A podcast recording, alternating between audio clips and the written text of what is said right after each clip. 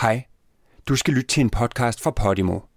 Hvis du kan lide, hvad du hører, så kan du lytte til alle episoder og en række håndplukkede podcasts, ligesom den her, på Podimo allerede i dag. Download appen eller klik på linket i episodebeskrivelsen. We want to end gender inequality. I speak on behalf of climate justice now. Ud fra min mors vilkår, så jeg alle andre kvinders vilkår. Og jeg synes, de var så gyselige, at det måtte der gøres noget ved. I'm not a lone voice. I am many. There are some little girls watching as I become the first black woman to be given the same award. Vi gjorde det!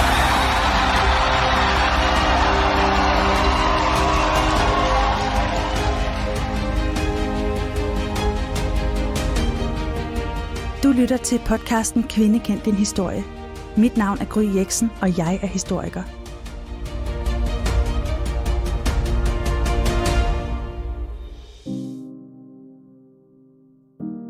Det er en kendskærning, at kvinder fylder alt for lidt i vores historiebøger. Og jeg mener, at det er på tide, at vi gør noget ved det problem.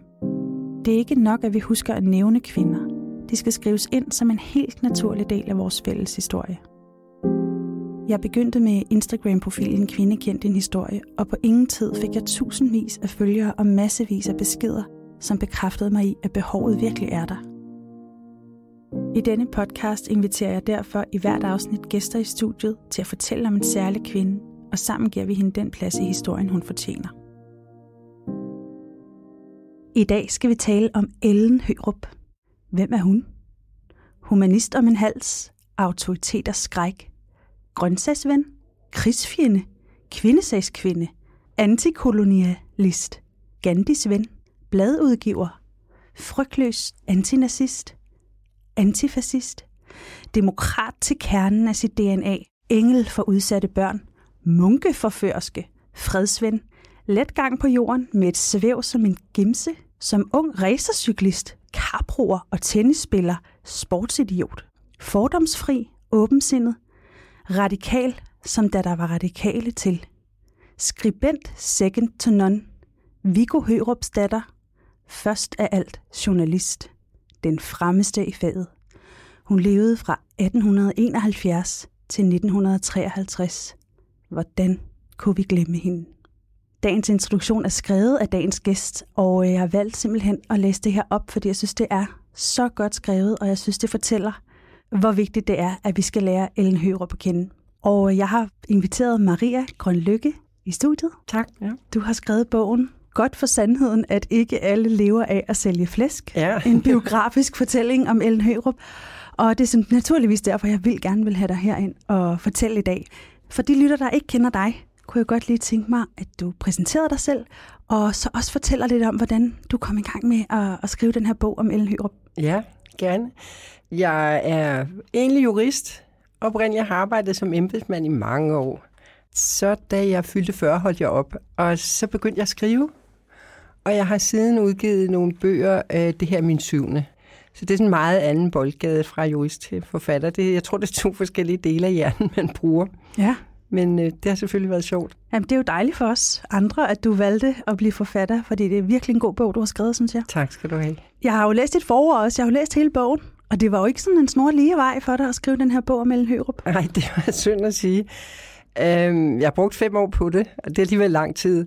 Jeg ville gerne have skrevet en roman, fordi der er så meget vidunderligt romanstof i Ellen Hørups liv. Øhm, og jeg prøvede, og jeg prøvede, og jeg prøvede, og jeg skrev om, og jeg skrev om, og jeg gik ind til min søde redaktør på Gyldendal, som hver gang sagde, tur ikke at sende mig hjem igen. Og hun spurgte altid, kan du ikke skrive en biografi i stedet for? Så sagde jeg, jo, bagefter. Men først så vil jeg skrive den her roman. Fordi der var så mange øhm, specielle ting, romantiske ting, og og derfor synes jeg, det var den, den sjoveste måde at folde historien ud på. Men i virkeligheden tror jeg, at det var, fordi der var for meget stof. Så skulle jeg have skrevet altså, tusindvis af sider, fordi, fordi hun foldede sig ud på så mange måder. Det må man sige. Så det ville have overlæsset en roman, ikke? Ja. da jeg satte mig ned, jeg kendte faktisk ikke Ellen Hørup overhovedet ingen før, kender nej, hende. før jeg fik øh, et, et, et anmelder eksemplar ind af min, øh, ind af min brevsprække af, af fra Gyldendal. Ja. Og da jeg læste om bare de første sider, altså jeg, jeg der havde virkelig følelsen af, det er simpelthen løgn, Ja. at jeg ikke At kender, ikke kender denne her kvinde Ja. i forvejen. Ja. Især som historiker. Ja. Øhm, fordi hun har da virkelig bedrevet Ja. øh, fantastiske ting i en Ja. fantastisk tid. Det glæder mig virkelig meget til at skabe et godt portræt af Ellen Hørup i dag sammen med dig, Maria. Vi starter helt fra begyndelsen. Ja.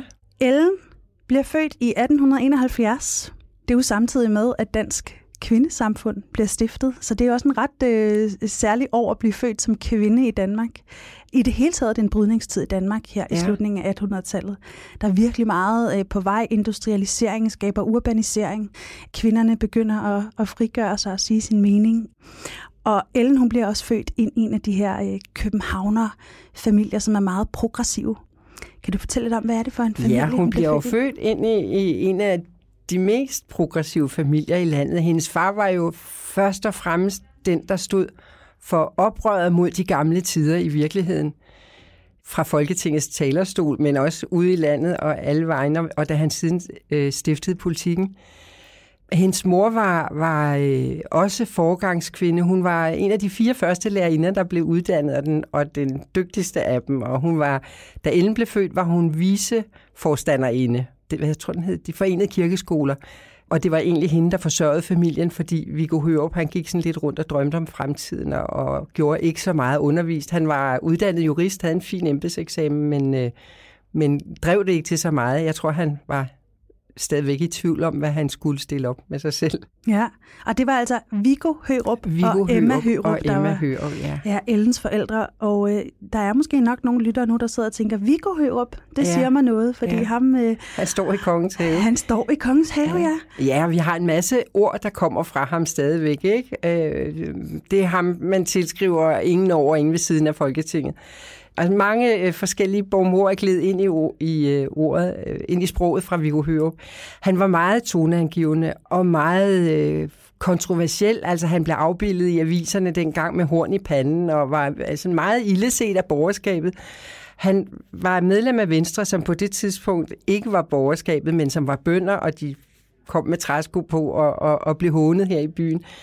Øh, men det var et Venstre, som var i splid med sig selv, og han var på den mest progressive side af dem, og, og endte så med at, at være grundlæggeren. Det skete efter, han var død, men altså, det var hans kreds, der, der grundlagde det radikale Venstre, som var et antikrigsparti dengang, og meget anderledes end, end resten af Venstre, og især end resten af hele den nationalkonservative klan, som ellers udgjorde samfundets elite og dem, der bestemte. Den der antimilitarisme, det er jo også noget, der, der virkelig sætter sig i Ellen, som vi skal også skal tale om senere. Ja. Og, og det her hjem er også et hjem, hvor der er, er meget åbent.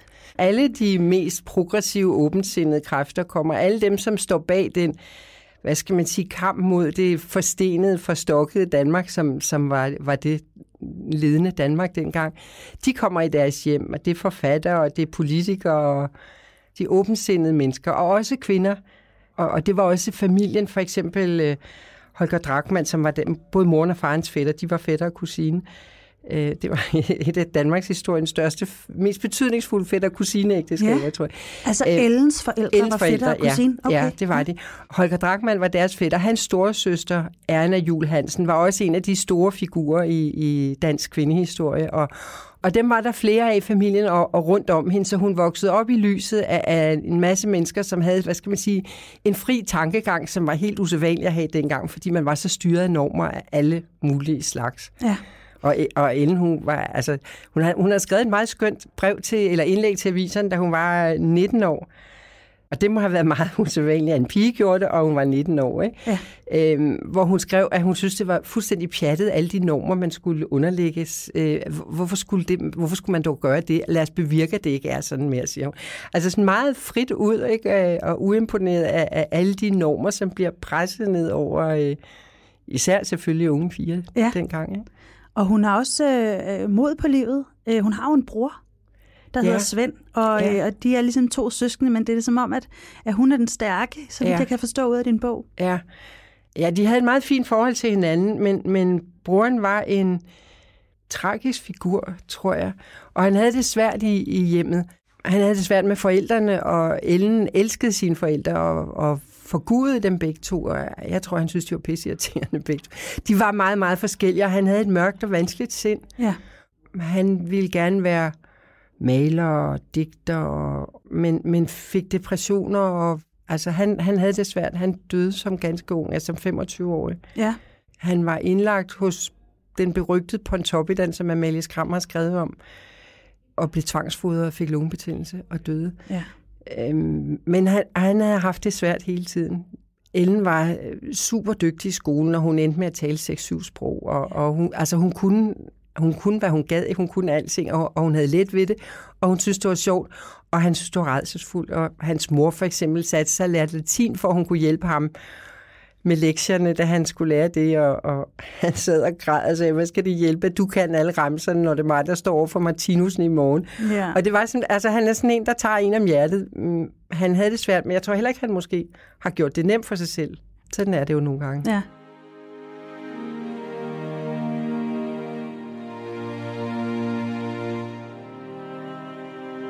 Men Ellen, hun, hun drøner der ud af. Ja, ja og hun øh, bliver jo som pige, kan hun jo ikke gå i gymnasiet her i den sidste halvdel af 1800-tallet.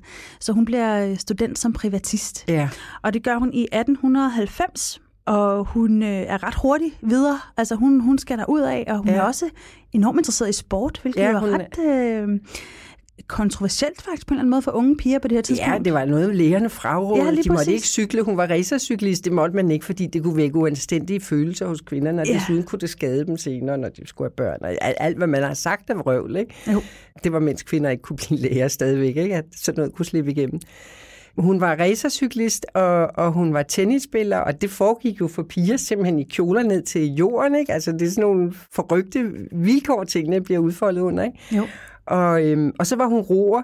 Hun roede i en otter, så sad de også i de der fine hvide kjoler og, og roede afsted otte piger ude i havnen og blev berømte. Emma, hun sad, hendes mor sad for enden med råberne og styrede de der piger. Men de var faktisk kanon dygtige og kunne give de fleste baghjul, eller hvad det hedder i den sport. Ja, Ellen betegnede det selv som sin tid som sportsidiot. og det er jo egentlig en meget øh, god betegnelse for hendes, i det hele taget hendes øh, person. Altså, at hun bare sådan kaster sig ud i ting, og der er ikke noget, der skal bremse hende. Hun tager på et tidspunkt en uddannelse, og det er egentlig et ret specielt uddannelsesvalg i forhold til, hvad hun egentlig kommer til at beskæftige sig med resten af sit liv. Ja. Man skal også huske, at der var meget snævre grænser for, hvad kvinder overhovedet kunne få lov til at gøre dengang. Ja, der det er var, sandt. Der var, man kunne for eksempel ikke få lov til, at hun ville være blevet en blændende jurist. Altså, jeg kan jo sidde og se, når hun resonerer, det er vidunderlige resonementer. Ikke? Det er logik, der bare glimter, ikke? Sådan, som når jura er rigtig smuk. Men det, en, en kvinde, hun kunne godt læse jura dengang, hun måtte ikke praktisere. Og det er sådan rimelig øh, utåligt, Jo. ikke? Øh, især hvis man er meget dygtig. Og det ville hun være blevet. Hun ender med at blive tandlæge. Mm. Der er en ting, man kan sige om tandlægeuddannelse, det var, at den var et år kortere end de fleste andre, og hun ville gerne giftes, for nu havde hun mødt øh, Wilhelm, som hun ville giftes med, så derfor ville hun, gerne have en uddannelse, der var hurtigere simpelthen. Angiveligt. Det var også, altså jeg har læst, det var, at hun havde diskuteret det, eller drøftet det med sin far, han havde rådgivet hende til at blive tandlæge. Altså, og hun sagde senere, at han vidste ikke, at hun duede til at skrive. Nej. Og det var også lige meget, for han var glad for hende, og det var det vigtigste. Men stadigvæk, han har en datter, som er lynende dygtig til så mange ting, og også er dygtig til at skrive. For det kan man jo se selv ud af det brev, hun skriver som 19-årig. Der kan man se, at hun er dygtig til at skrive. Ja. Ikke?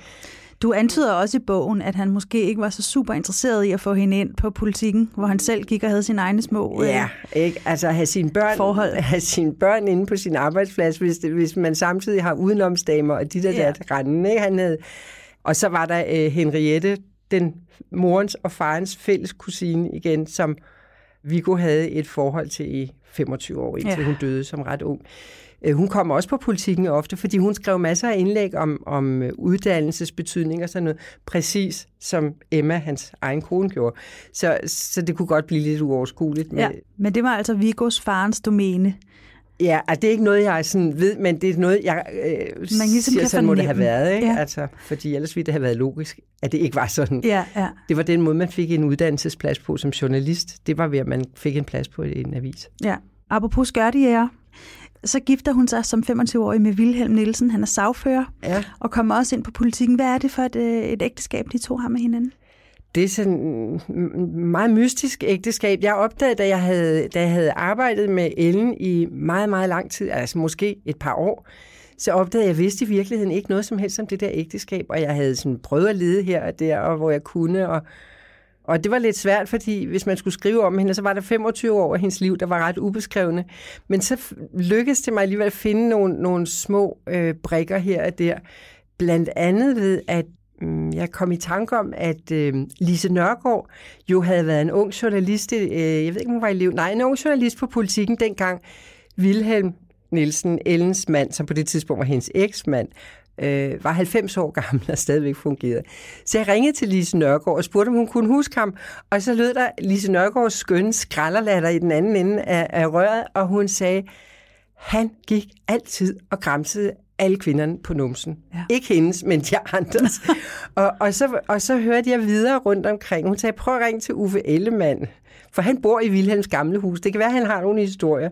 Så jeg ringede til Uffe, og han sagde, nej, prøv at ringe til hans barnbarn, som er advokat inde i byen. Og så ringede jeg til barnbarn, og han tog telefonen, og jeg sagde, det handlede om Vilhelm. Så kunne man høre sådan lidt undertrykt fnise nærmest er den der bedstefar, han var noget af en skørtejæger.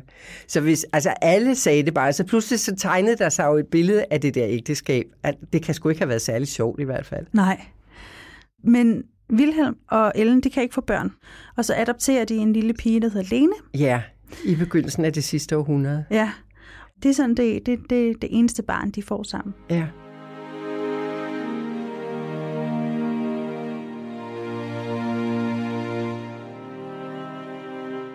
Efter cirka 25 års ægteskab med, med Vilhelm, så øh, rejser Ellen en tur til Rom.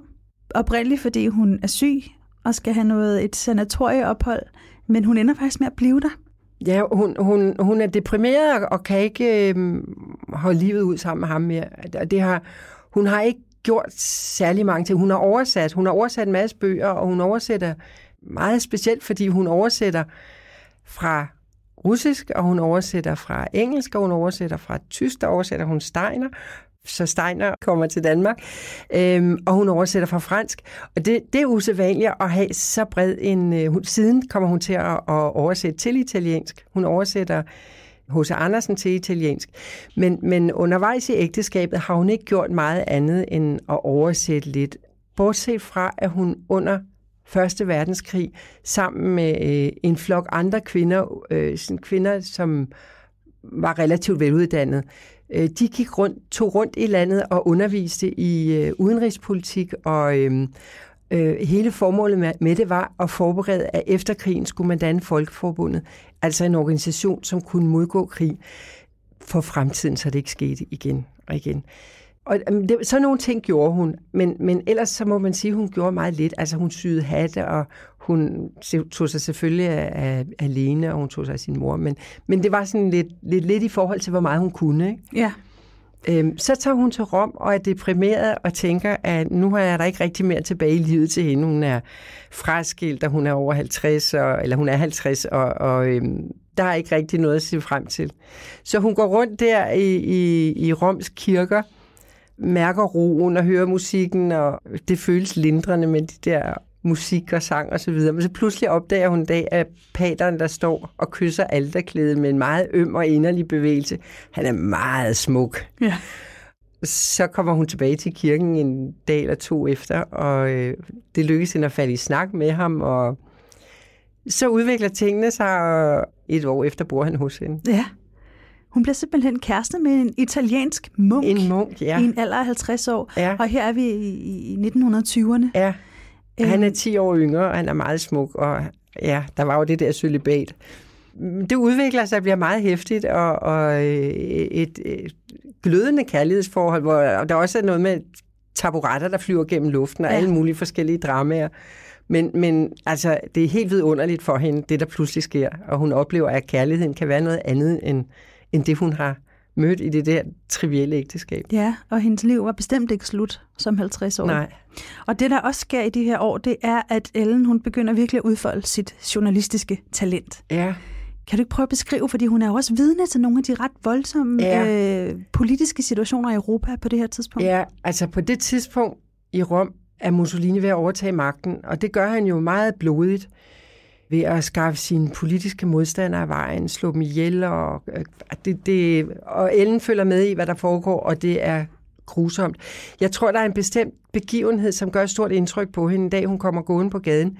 Lige foran hende øh, øh går en mand, og pludselig kommer der en flok af, af Mussolinis skvadrister op af jorden, sådan, de der sortklædte, sortskjorterne blev de kaldt, og gennempryler manden, og blodet for sig, og folk stemler sammen og prøver at råbe de der for at få dem til at gå væk, og så er de pludselig væk, og man får kørt manden på, jeg væk i en ambulance. Men Ellen bliver øh, sådan helt lammet, og, og har stirret på det der, og bebrejder sig selv, hun ikke har gjort noget.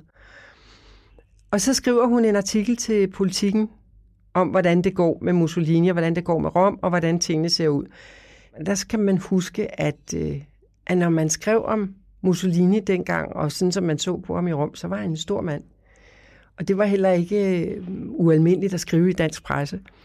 Men sådan så Ellen det ikke. Hun vagte furore ved på et tidspunkt, hvor hun skulle give hånd til ham, der nægtede hun. og, og det gjorde man bare ikke. Men det gjorde Ellen, for hun kunne godt se, hvad han var for en kal. Ikke? Ja. Jeg tror, den begivenhed var vigtig for hende. Så er der en ven, der sender hende en bog, den franske forfatter, som har fået Nobelprisen, Romain Rolands biografi om Gandhi. Og hun læser den, så opdager hun pludselig, at Gandhi i virkeligheden er svaret på det, hun altid har gået og drømt om og ønsket. Hvordan man stopper krig, og hvordan man stopper al den vold. Hans antivoldelige, hans ikke-volds øh, civile modstand uden vold med at sætte sig på jorden, og ikke slå tilbage, skyde tilbage osv. Det går virkelig ind i hjertekuglen på, på enden, som er vokset op med sin fars store tale, skal hade og afsky krig, og som altid har haft det i sig, den der antimilitarisme. Ja. Så ser hun pludselig et kæmpe lys i, i det, Gandhi er ved at sætte i gang. Og, og det er jo meget øh, stort, det Gandhi har gang i, fordi Indien har været undertrykt af englænderne i mange, mange år tilbage fra 1850'erne, og det, det er en blodig og voldelig undertrykkelse. Og når Gandhi så svarer på den måde, så kan det jo ikke undgå at, at gøre indtryk og, og øh, vise hende, at det her det kan måske være en helt anden vej for verden. Ikke? Kan du prøve at beskrive, hvad er det egentlig for noget, Gandhi han gør? Altså hovedbudskabet, det er ikke vold. Det er civil ulydighed ved ikke at bruge vold. Ja. For eksempel, i hvert fald ikke voldelig modstand.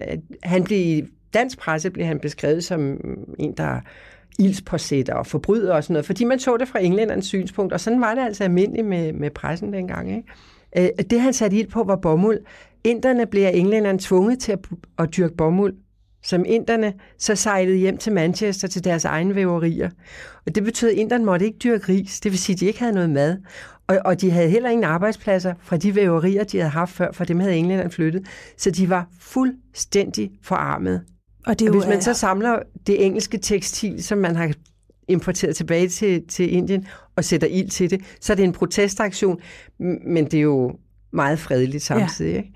Og, og der er virkelig, altså er det ikke også noget med, at der er flere millioner mennesker, der simpelthen dør af store hungersnøds Jo, jo, det, det er ganske forfærdeligt. Hun, ja. hun tager så derud og besøger ham og rejser rundt med ham, og tager hjem og skriver om det, skriver øh, kronikker til politikken hvor hun skriver, at hun har set mennesker, der var levende skeletter. Ja. Hun har set mennesker, der spiste græs, fordi græs, det var det, der var.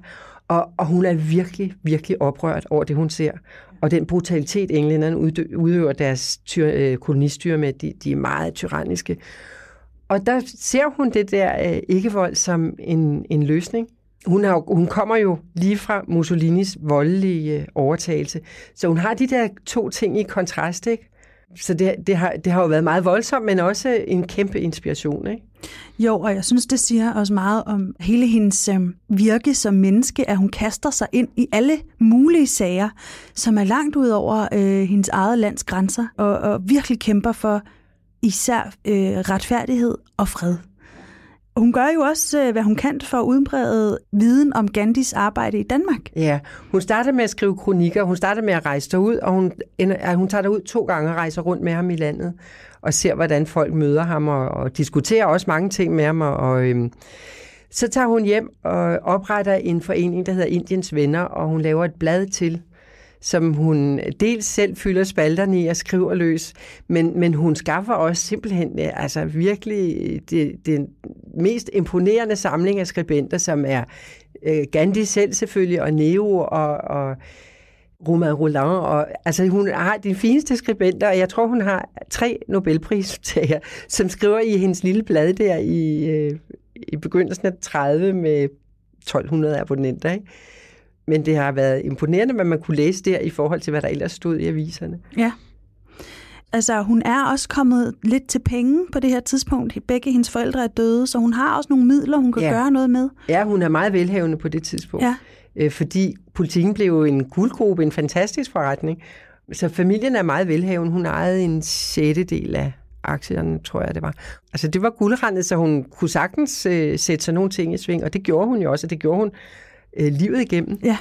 Men, men faktisk er det meget sjovt, øh, for når man følger hendes øh, arbejde og hendes øh, interesse for Gandhi, så ender hun med at blive øh, uenig med ham i nogle ting. På et tidspunkt taber Gandhi et valg i Kongrespartiet, som er hans parti. Men han vil ikke give magten fra sig. Og det bliver Ellen jo rasende over. Han er jo udemokrat, så plus at hun samtidig ser, at der er meget fornuft i, i modpartens øh, synspunkter. Ja. Dem, som havde vundet valget. Så hun ender med at, trække sig lidt ud af det. Der er også noget med kvinders vilkår, de ikke rigtig kan blive enige om. især, især kvinders forhold. Øh, altså, Indiens kvinder bliver behandlet ganske forfærdeligt i dag, og det gjorde de også dengang. Og Gandhi synes, det måtte være deres egen sag at gøre op med det. Ja. Der synes Ellen, at han... Altså, det er hun uenig med ham i. Ja. Og, og han har nogle meget troskyldige synspunkter, sådan arbejdsgiver og arbejdstager skal være venner, det skal nok gå, og hvis man bare sætter næring lidt, et tæring, næring og så videre. Og, og, og der er hun, så blåret er hun simpelthen ikke. Hun synes, at at hun slår i bordet og siger, at folk de må have nogle ordentlige, anstændige levevilkår. Ja. Det, der sker i forbindelse med Indien og englændernes faren frem i Indien, øh, bliver jo lidt overhalet af begivenhederne næsten, kan man sige, i Europa. Så for Ellen bliver det mærkeligt at, at udgive et blad om kun øh, Indiens forhold, Ja. når det er rundt om hende i Europa, som hun skriver, er faktisk blevet værre vilkår. Fordi der har man fascister i, i Italien, som er brutale. I Spanien kommer den blodige borgerkrig, eller hvordan vi nu kalder den, og, og for slet ikke at tale om, hvad der foregår i Tyskland. Ja. Så Vi er i 30'erne i her. 30'erne, ja, og, og de borgerlige frihedsrettigheder er, er meget truet, hvor man relativt har nogen stadigvæk i Indien, Ja. som øh, man kan forsamles og så videre. Ting, man ikke længere kan gøre i Europa. Så derfor så synes hun, at tiden er forpasset for det, så det handler ikke længere om, om kun Indiens solidaritet, men, men det handler om frihedsrettighederne. Ja. Og, og så grundlægger hun et, et nyt blad, Mennesket og magten må det være, øh, Ja. som så skal beskæftige sig med de ting på et bredere grundlag. Og, og det er blandt andet borgerkrigen i Spanien med til at åbne hendes øjne for. Spanien havde jo været et forfærdeligt fattigt øh, land, hvor folk de levede under eksistensminimum faktisk i, i udbredt grad. Så havde man øh, nogle hundrede meget, meget rige familier, så havde man en stinkrig øh, kirke og et militær, der også var virkelig velspækket. Så valgte folket demokratisk en ny regering, og så øh, begyndte der nogle øh, oprør, kaldte man dem. det, det, det oprør handlede om, fandt Ellen ud af, en rig mallorquiner, der hed Juan March, som han var den sjette rigeste mand i verden, og det havde han været ved at forsy- øh, var han blevet ved at forsyne begge, begge parter i Første Verdenskrig med våben og så videre. Så han var meget, meget rig, og han købte simpelthen Mussolinis øh, soldater til at komme og angribe spanierne i, i samarbejde med øh, dele af den spanske her. Men, det, men det, er, det er en meget, meget betændt historie. Og, og Ellen gjorde, hvad hun kunne for at, at grave det op øh, på de mest fantastiske måder. Og hun, hun var meget, på det tidspunkt havde man jo fået Folkeforbundet, og man havde et sæt regler, som skulle håndtere den slags kriser. Når, når landene var medlemmer af Folkeforbundet, så skulle man gå sådan og sådan og sådan frem, når der kom sådan en ting, som der skete. Øh, det gjorde man ikke. Man fulgte overhovedet ikke reglerne, og det gjorde hende jo rasende. Altså, den spanske regering skulle have mulighed for at beskytte sine, sine borgere. Det betød, at de for eksempel skulle have mulighed for at købe fly til at modgå de fly, som dels Hitler, dels Mussolini sendte ind over Spanien, hvor Ellen fandt ud af, at det var det, det var, og det ikke var nogen spanske... Det var fly, som fløj med overmalede kendingsbogstaver. Ja. Det, det var virkelig så grimt og betændt, og hun fik gravet alle de der historier op og skrev kronik efter kronik om det. Og der begyndte det at blive svært for hende at få, få tingene på i politikken, fordi de var, hun var meget... Øh, barsk og, og ubønhørlig over for, at det kunne være englænder, det kunne være franskmænd, og det kunne også være tyskere. Hvor man var sådan mere forsigtig med, hvem man gerne ville støde og ikke støde. Ja. Man havde bacon-eksporten, og man havde forskellige andre. Men hun fik gravet de der historier op og har skrevet nogle kronikker, der i dag er stadigvæk virkelig, virkelig læsværdige. Ja, og det som du ligesom er inde på her, det er, at hun bruger en teknik, som, som journalister faktisk bruger ret ofte i dag.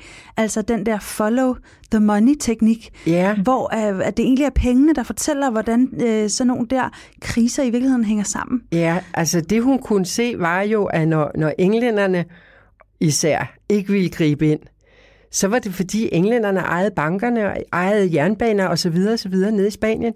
Så de ville, de ville sikre deres øh, investeringer, og, og, og de kunne meget let være bekymret for, hvad en socialistisk regering øh, kunne finde på. Altså, det var jo en regering, befolkningen havde valgt for at sikre dem bedre vilkår. Og det var ikke sikkert, at det var bankerne, der ville blive skånet i første række, men det vidste man selvfølgelig ingenting om. Under alle omstændigheder, så var englænderne parat til at bryde reglerne i Folkeforbundets pagt for at sikre de der investeringer. Og, og hun fortæller også en, en historie om, hun, hun skriver det meget sjovt i en kronik, hun har, jeg har været på flere arbejdermøder i Paris i år. Det lyder så meget skægt. Det er jo sådan en fin lille gammel overklassedame, der står nede på barrikaderne i Frankrig og hører, hvad de, hvad de står og råber. I Frankrig havde man faktisk en socialistisk eller en socialdemokratisk regering på det tidspunkt. Og folk stod på gaderne og råbte fly til Spanien, fly til Spanien. Jeg kommer næsten til at græde og sige, jeg synes, det er så bedrøveligt. Ikke? Jo. Det stod befolkningen og råbte, for de kunne se, hvordan folk blev slagtet i Spanien. Ja. Og, og Ellen var rasende og gik hjem og skrev om det. Ikke? Og så fulgte hun med i, altså hvordan man forhindrede øh, skibe i at, at, at lande med ting, som regeringen havde brug for. Hvordan man forhindrede dem i at købe de fly, de havde brug for. Hvordan man ikke ville sælge olie til dem fra de parter, de havde i, i Folkeforbundet. Ja. Og hun skriver om det hele, altså opbragt og rasende, og det er også... Øh, det er virkelig en barsk historie. Ja, det er det. Og jeg vil sige, altså det, i dag vil man jo betragte hendes arbejde som virkelig øh, øh, altså højt plan, Ja. øh, øh, journalistisk arbejde på Ja. højt plan. Ja, altså hun er jo nærmest udenrigskorrespondent Ja. på alle områder Ja, for ja. politikken. Hvordan var hun kendt i Danmark øh, i 30'erne? Altså kendte man Øhm, jamen Ellen det, hun, blev, hun blev jo mere og mere kendt, og, og blev meget, meget respekteret. altså hun så havde nogle øh, problemer på redaktionsgangen, det var noget andet, men, men generelt havde hun, altså hvad skal man sige, bredt ude, ligesom hendes far endte med at få, ikke? En, en stor respekt. Men, men der var selvfølgelig også mange, som, ikke, som havde det, hun skrev. Altså hun blev den grad i, i den mere borgerlige, reaktionære presse, der blev hun jo svinet til. Altså. Ja. Ja. Hun, altså, jamen, jeg kan, nu kan jeg ikke huske det ordret, men, men hun skriver, for eksempel, kritiserer hun jo altså Mussolini og Hitler, så der, jeg tror, det var Nationaltiden, eller også var det Berlingeren. Berlingeren var skrab. De skrev i hvert fald, Ellen Hørup mener ikke, at Mussolini og Hitler er store mænd. Hvem er så store mænd, Ja. siger de, ikke? Jeg mener, Ja. at man kan godt se, hvem det er her øh, længe efter, som ligesom kunne se op og ned, ikke? Jo. men man faldt over hende. Hold da op. Ja, og det er interessant, og det er noget, som jeg synes er vigtigt, at vi også taler åbent om, at i 30'erne var man meget fascineret i Danmark også af, af Hitlers bedrifter i Tyskland. Øh, Han fik jo folk i arbejde i en tid, hvor hele Europa var øh, i krise, og så nogle ting, som man havde slet ikke forstået, hvad det egentlig var. Mm. Men det havde Ellen. Altså Ja. hun havde jo en anden måde at se tingene på, og en anden måde at Ja. tilgå tingene Ja. på, som, hvor det var en mere kritisk Ja. kildekritik på en eller anden måde. Ikke? Ja, altså, men synes det jeg var jo ret først, fantastisk. det var, i virkeligheden har det først og fremmest været, fordi hun havde det der fuldstændig stensikre kompas, som var hendes antimilitarisme. Ja. Det var retfærdighed og antimilitarisme, ikke? Det er, det er med bagklogskabens lys, så er det meget voldsomt nogle gange at se på Ja. den tid i vores historie. Men der reddede hun altså æren. Hun var der, og hun skrev, og Ja. hun skrev op imod alle, og hun fik sin tæsk, men hun var der, og det stod i aviserne. Ja. Og her i, i 30'erne, der bor hun i udlandet, øh, forskellige steder i Schweiz, ja. Ja. men hun må hele tiden flytte sig, fordi hun kommer jo hele tiden på kant med alle mulige, der ikke har lyst til, at hun skal skrive for åbent. Ja, ja, altså hun, hun flyttede til Schweiz, det tror jeg faktisk, hun gjorde. Der var hun flyttet fra munken, mm. øhm, fordi det, der var for mange kastede taburetter og Ja. glødende cigaretter og dit og dat. Øh, men jeg tror, når hun så flyttede til Schweiz, øh, var det for at kunne følge Folkeforbundet helt tæt. Hun bosatte sig i Genève, og, og jeg tror bestemt, at, hun, at det har været hendes øh, idé med det. Hun var jo gode venner med Munk, som øh, havde været, øh, var udenrigsminister. Mm, Peter Munk. Hun var vokset op med ham, eller kendte ham fra sin ungdom, fordi han var en af farens venner. Ja. Så han har kunnet skaffe hende adgang og Ah. kunne fortælle hende, hvor og hvornår og alle sådan nogle ting. Det er jeg sikker på, at de har brugt. Det gør man jo. Ja. Men det, der sker, det er i hvert fald, at hun flytter hjem til Danmark. Hun flytter fra Schweiz, fordi Schweiz har jo taget imod flygtninge fra, det er et Europa, som øh, genererer flygtninge fra Tyskland, fra Italien, fra Spanien, fra Portugal, hvor fascister af forskellige slags, de Ja. ja, driver folk på flugt. Og der har, der har været meget lukket, det har været svært, men Schweiz har været åbent. Og på det tidspunkt begynder Schweiz simpelthen at sænke bomben og sige, nu er det nok. Og det bliver Ellen vred over og opbragt over, og så skriver hun i aviserne i Schweiz om det. At hun kan jo bare slå om at tage et nyt sprogskrivning, så de kan forstå det. Og det gør hun, og så inddrager man hendes arbejdstilladelse. Så hun bliver nødt til at rejse fra Schweiz, fordi hun ikke kan arbejde der. Hun arbejder på mange forskellige måder. Hun har lavet et øh, pressebyrå, hvor hun sidder og sprøjter artikler rundt på tre sprog til hele verdenspressen og til Englands udenrigsminister og til visekongen af Indien og hvem hun synes kan have glæde af at læse hendes ting.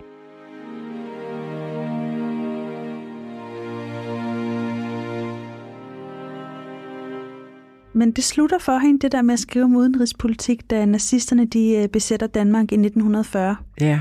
Så der er hun flyttet tilbage til Danmark, og hun, hun øh, får at vide, hun får at vide, at hun godt kan være i Danmark. Man er ikke ude efter hende. Der har hun, hun har jo gode kilder i regeringen. Jeg ved ikke præcis, hvordan hun får at vide, at hun kan være i Danmark, men hun får at vide, at hun godt kan. Øh, tyskerne er ikke ude efter hende, men hun må ikke skrive om udenrigspolitisk forhold. Hun må ikke beskæftige sig med hele situationen. Og det er jo noget af en kastraktion, når man ja. har brugt 10 år og så meget engagement og liv på ja. det. Ikke?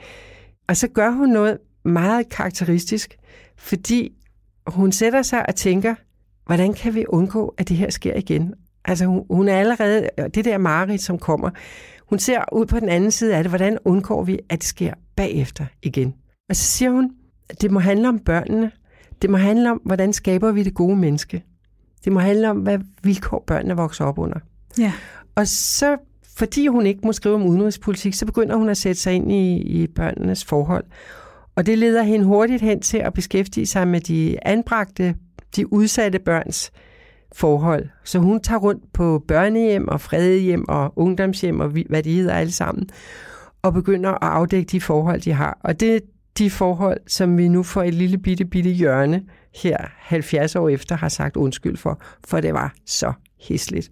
Og de børn, de blev så misbrugt, så man, altså de historier, hun skrev, og de ting, hun så, altså med afstraffelsesredskaber ude på nogle kolde loftsværelser og blod på gulvet. Og det, det er så hjerteskærende. Og det var de børn, som ingen havde til at beskytte sig. Og det gør jo inden rasen, ikke? Så hun, nu begynder hun at skrive om det. Selvfølgelig grundlægger hun straks et blad, fordi det blad, hun havde, Mennesket og Magten, er blevet lukket af tyskerne. Så grundlægger hun et nyt blad, som hedder Forældrebladet. Dels kan hun fortælle alle de historier, hun oplever. Dels er der også sådan anmeldelse, der er begyndt at komme bøger, som er for børn, rigtig for børn. Ikke? Og, og man kan diskutere, og plus at mange fortvivlede forældre begynder at skrive om hjælp til hende, når de finder ud af, hvad det er, hun er begyndt på. Og det gør hun så under krigen, og beskæftiger sig meget med det, og, øhm, og får øh, igen hele borgerskabet på nakken, for nu at sige det lidt primitivt eller firkantet. Hun hjælper to drenge, som er stukket af fra et børnehjem, og når man ved bagefter, hvordan de børnehjem var, så ved man godt, hvorfor de er stukket af. Ja. Altså et barn, der sultede, de fik jo nogle brødhumler. Det var så uselt, og imens så sad personalet ved siden af at spise flæskesteg. Og det var, jeg kan ikke forstå det. Man kan ikke forstå det i dag, hvordan kunne mennesker gøre det, men der var meget, man ikke kan forstå. Ja. De var så stukket af og øhm, stod og bankede på hendes dør, så det er jo også kommet frem til mange børn, at der var en, der hjalp dem der. Så tog hun dem ind og øh, sørgede for, at de fik noget at spise, og de kom i bad, og, de, øh, og så kunne de blive hos hende. Hun havde sådan et, en frugtplantage. Og der, og der fik de der drenge så lov til at bo, og alle hylede. Det endte med at blive en sag, hun blev trukket i højesteret for, og man ville sætte hende i fængsel, fordi hun havde hjulpet de to drenge. Øhm, hun endte med at få en bøde. Hun kom ikke i fængsel, men da hun fik det at vide, så sagde hun, ja, men det er vel også på tide, jeg ser et fængsel indenfra. Det er længe siden, jeg har været i sådan et. Ikke siden jeg, ikke siden jeg besøgte det, var et brændes. Ja. Og det rørte hende ikke? Altså, var ikke noget, hun blev Nej, skræmt af? det var hun Nej. ligeglad. Nu havde hendes far også prøvet at være i fængsel, så når faren havde prøvet det, så kunne hun også. Ja, det er jeg ja. sikker på, hun har tænkt. Og, øhm, Men jeg tror, hun var også inde i sin egen sag for at kæmpe for de Ja, her børns rettigheder, at det var ikke sådan... Og det, nu skal man huske også, det, det var virkelig ikke en skrivebordskamp. Hun, hun var, det var hans ånd, ikke? Altså ligesom follow money, så det var, det var virkelig, hun var rundt de der steder. Og nogle gange så øh, kunne hun jo ikke komme til det, og skulle snige sig, og så havde hun kontakter med en masse gamle, øh, tidligere ansatte, som fortalte hende om forholdene, så, så, så hun fik opbygget en større og større viden. Det havde man altså meget svært ved at tilgive hende, hun gjorde, og, og, og det er så mærkeligt at tænke på, men hun blev bare ved, fordi hun har jo vidst, at det var rigtigt, ikke? Mm, ja, og hun køber også et, et, Ja, et på- sted. Ja. Ja, på et tidspunkt, så får hun nok af det der. Også fordi man altid tæsker børnene. Altså, hun, den der øh, pædagogik, altså hun læser stabler af bøger med moderne pædagogik, som hun skaffer fra Sovjetunionen, som på det tidspunkt faktisk havde, var kommet langt med nye tanker inden for pædagogik. Øhm, så hun er sådan bredt orienteret og, og ved en hel masse, og ved, at man behøver ikke at tæske børn, når det faktisk ikke, ikke hjælper. Ikke? Mm. Men øh, altså, hun skriver om det og, og gør, hvad hun kan, og så kunne hun se det, altså det, hun slår en dyne. Og så siger hun, nu kan det være nok, så køber hun et børnehjem. Ja. Og det, det skal være for at vise, at man ikke behøver at slå børnene. Og der laver hun også et sted. Jeg har læst nogle af historierne derfra, og det lyder som om, det har været meget, meget øh, hårdt arbejde for de voksne, men ret befriende for børnene. Ikke? Jo. Jo, fordi man gør, altså det er jo også det, som, som er interessant, at hun er jo meget på forkant hele tiden. Ja, hele tiden. Med alting, Ja, ja, med, med både med journalistik ja, og pædagogik, og, ja. og det er jo svært at være forgangseksempel, Ja, så ja. jeg kan godt forestille mig, at det har været svært, når ingen har gjort det før. Når ingen har gjort det Altså, før, så det, det kan jeg sagtens forestille Der mig. var en anden ting, hun også tog fat på i, i en af sine kronikker der under krigen, hvor det var det, hun øh, kunne arbejde med. Det var revselsesretten. Ja, Hun, hun beskriver nogle eksempler, som også er bare så øh, tårens sprøjter, når man læser det, øh, med nogle børn, der er blevet banket ihjel. Og der sidder jo trods alt naboer rundt om og hører, hvad der foregår. Ikke? Og fordi ingen rev, tør. revselsesretten til dem, der ikke lige kender den. Ja, revselsesretten var det, vi, jamen det er ikke engang særlig lang tid siden, vi afskaffede den. Det var i 90'erne. Forældres ret til at slå deres børn. Modbydelig opfindelse. Men, og, og det har vi altså holdt fast i så længe, at hun pludselig, hun skrev i den der kronik, hvor hun beskrev to forskellige børn, der var blevet taget af dage. Hun er altid meget konkret. Hun, der er ikke noget sentimentalt føleri. Hun skriver sådan meget øh, nøgternt, ikke? Og så er der altså bare nogle barske ting, hun skriver på Ja. den der nøgterne måde. Øh, og så forklarer hun, det vi er nødt til, det er at afskaffe revselsesretten. Og, og det var bare forbudt, fordi det var en hellig ret, hvis der var noget, man selv skulle have lov til at bestemme, så var der, at man skulle teste sine børn. Ikke? Altså sådan sagde folk, altså i min barndom og op gennem øh, 60'erne, 70'erne og 80'erne, indtil man endelig afskaffede det i 90'erne. Hun havde siddet i 50 år før og sagt, det der, det skal væk. Ja. Og det, det var der ikke nogen andre, der kunne se. Ja, det er virkelig et, et stort arbejde, Ja. altså, hun har lavet, synes jeg. Og det må vi virkelig respektere og anerkende Ja. hende for.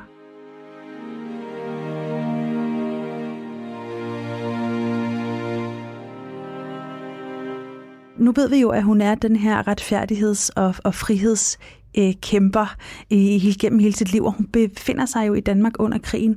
Du har fundet ud af, at hun faktisk også spiller en rolle i modstandsbevægelsen. Ja, og det var jo det, hun ikke måtte, og det var det, hun var nødt til at lade være med, fordi hende, alles øjne ville selvfølgelig hvile på hende, fordi enhver kendte hendes synspunkter. Men Ellen Hørup er jo ikke en, der sidder på hænderne og kigger, selvom hun gør alt sit fine arbejde med børnene. Så er hun også nødt til at gøre noget meget øh, drastisk eller effektivt i forhold til den besættelse og den besættelsesmagt.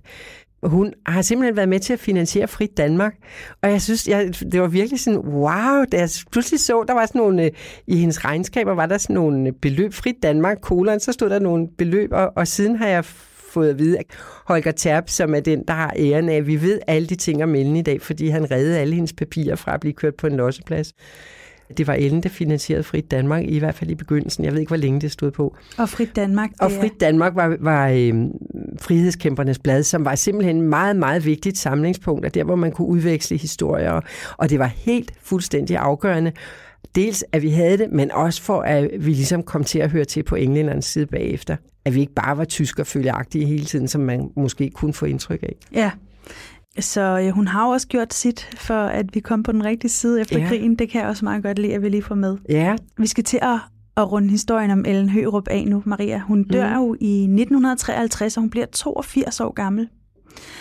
Og hun øh, har jo kæmpet ja, en, en lang journalistisk og sej kamp, øh, utrætteligt, Ja. for fred og for frihed og retfærdighed. og kvindesagen og også. kvindesagen, ja. og hun rejste ud til, til verdens brandpunkter for at, at udbrede kendskab til sandheden om krige og politiske situationer. Mm. Hvorfor øh, er hun skrevet ud af historien, Maria? Ja, det må du nok spørge om. Da hun døde som 82-årig, der sad hun i sin seng og dikterede en kronik om Koreakrigen, som var i gang. Hun kunne ikke længere skrive, men hun skulle have den kronik færdig. Jeg synes bare, det er så rørende, at hun sad sådan. Men har- hvorfor ja. hun er skrevet ud af historien, altså hun havde en, en brevveksling med en af sine venner, en, en journalist fra politikken, Ole Vinding, og han skriver, ja, nu er der også fredsvennerne, som alle hader. Jeg tror, det er rigtigt. Jeg tror, folk, der går ind for fred, altså, og mener det, det er det værste. Fordi hvis man gør noget, altså op imod strømmen, så er det jo der, det, det sted, det, det, det hele omdrejningspunktet. Sådan ser jeg det. Men, men altså, jeg kan heller ikke se andet end det, det er jo sådan en, en smålighed, at, at man ikke giver hende den plads. Jeg kan se i anmeldelserne, at man stadigvæk skriver, at Nå, men det er ikke sikkert, hun havde så meget forstand på det der udenrigspolitik alligevel, sidder mandlige anmeldere og skriver her 50 år efter, ikke? 70 år efter. Det kunne man jo bare se i aviserne. Man kunne se, hvad hun skrev, man kunne se, hvad de andre skrev, og, og så kan man se historisk tilbage, at, om hun ikke havde ret. Altså. Ja, så selvom at der, du har udgivet din biografi nu her, og der i ovenikøbet også er en anden forfatter, der har udgivet en biografi, hvor I fremhæver hendes vigtige bedrifter, så er der alligevel stadig nogen i dag, som, som ikke synes, at hun behøver at fylde specielt meget i vores historiebøger. Ja, men det er mærkeligt. Det undrer mig, ja. Ja. Men nu har vi i hvert fald gjort vores, Maria. Ja, Du skriver også noget til allersidst i din bog. På sidste side, der står der, at øh, vi har jo en, en pris, man kan få som journalist i Ja, Danmark, der hedder ja. Kavling-prisen. Ja, ja, men det var bare, fordi jeg kom jo til at, at grine lidt undervejs af, at, at den fineste journalistiske pris, vi har, og det er vigtigt at have sådan en pris, for det er vigtigt at holde barn højt og, øh, og have, øh, det er også kunne anerkende folk, men at den så lige behøver at være opkaldt efter Kavling, som var en ret middelmodig journalist, og han var ikke sådan specielt sandrulig heller, han skrev som en brækket arm. Øhm, Jeg tænkte bare, at det var en god idé, om der kom en pris, der kunne være opkaldt efter Ellen Hørup, fordi hun satte barn højt, hun stillede høje krav. En, en rigtig god idé. Tusind tak, fordi du kom, Maria. Jamen, det er en glæde at snakke om hende. Til, til lytteren, så vil jeg lige gentage, at jeg synes, man skal læse Maria Grøn Lykkes bog, Godt for sandheden, at ikke alle lever af at sælge flæsk. En biografisk fortælling om Ellen Hørup.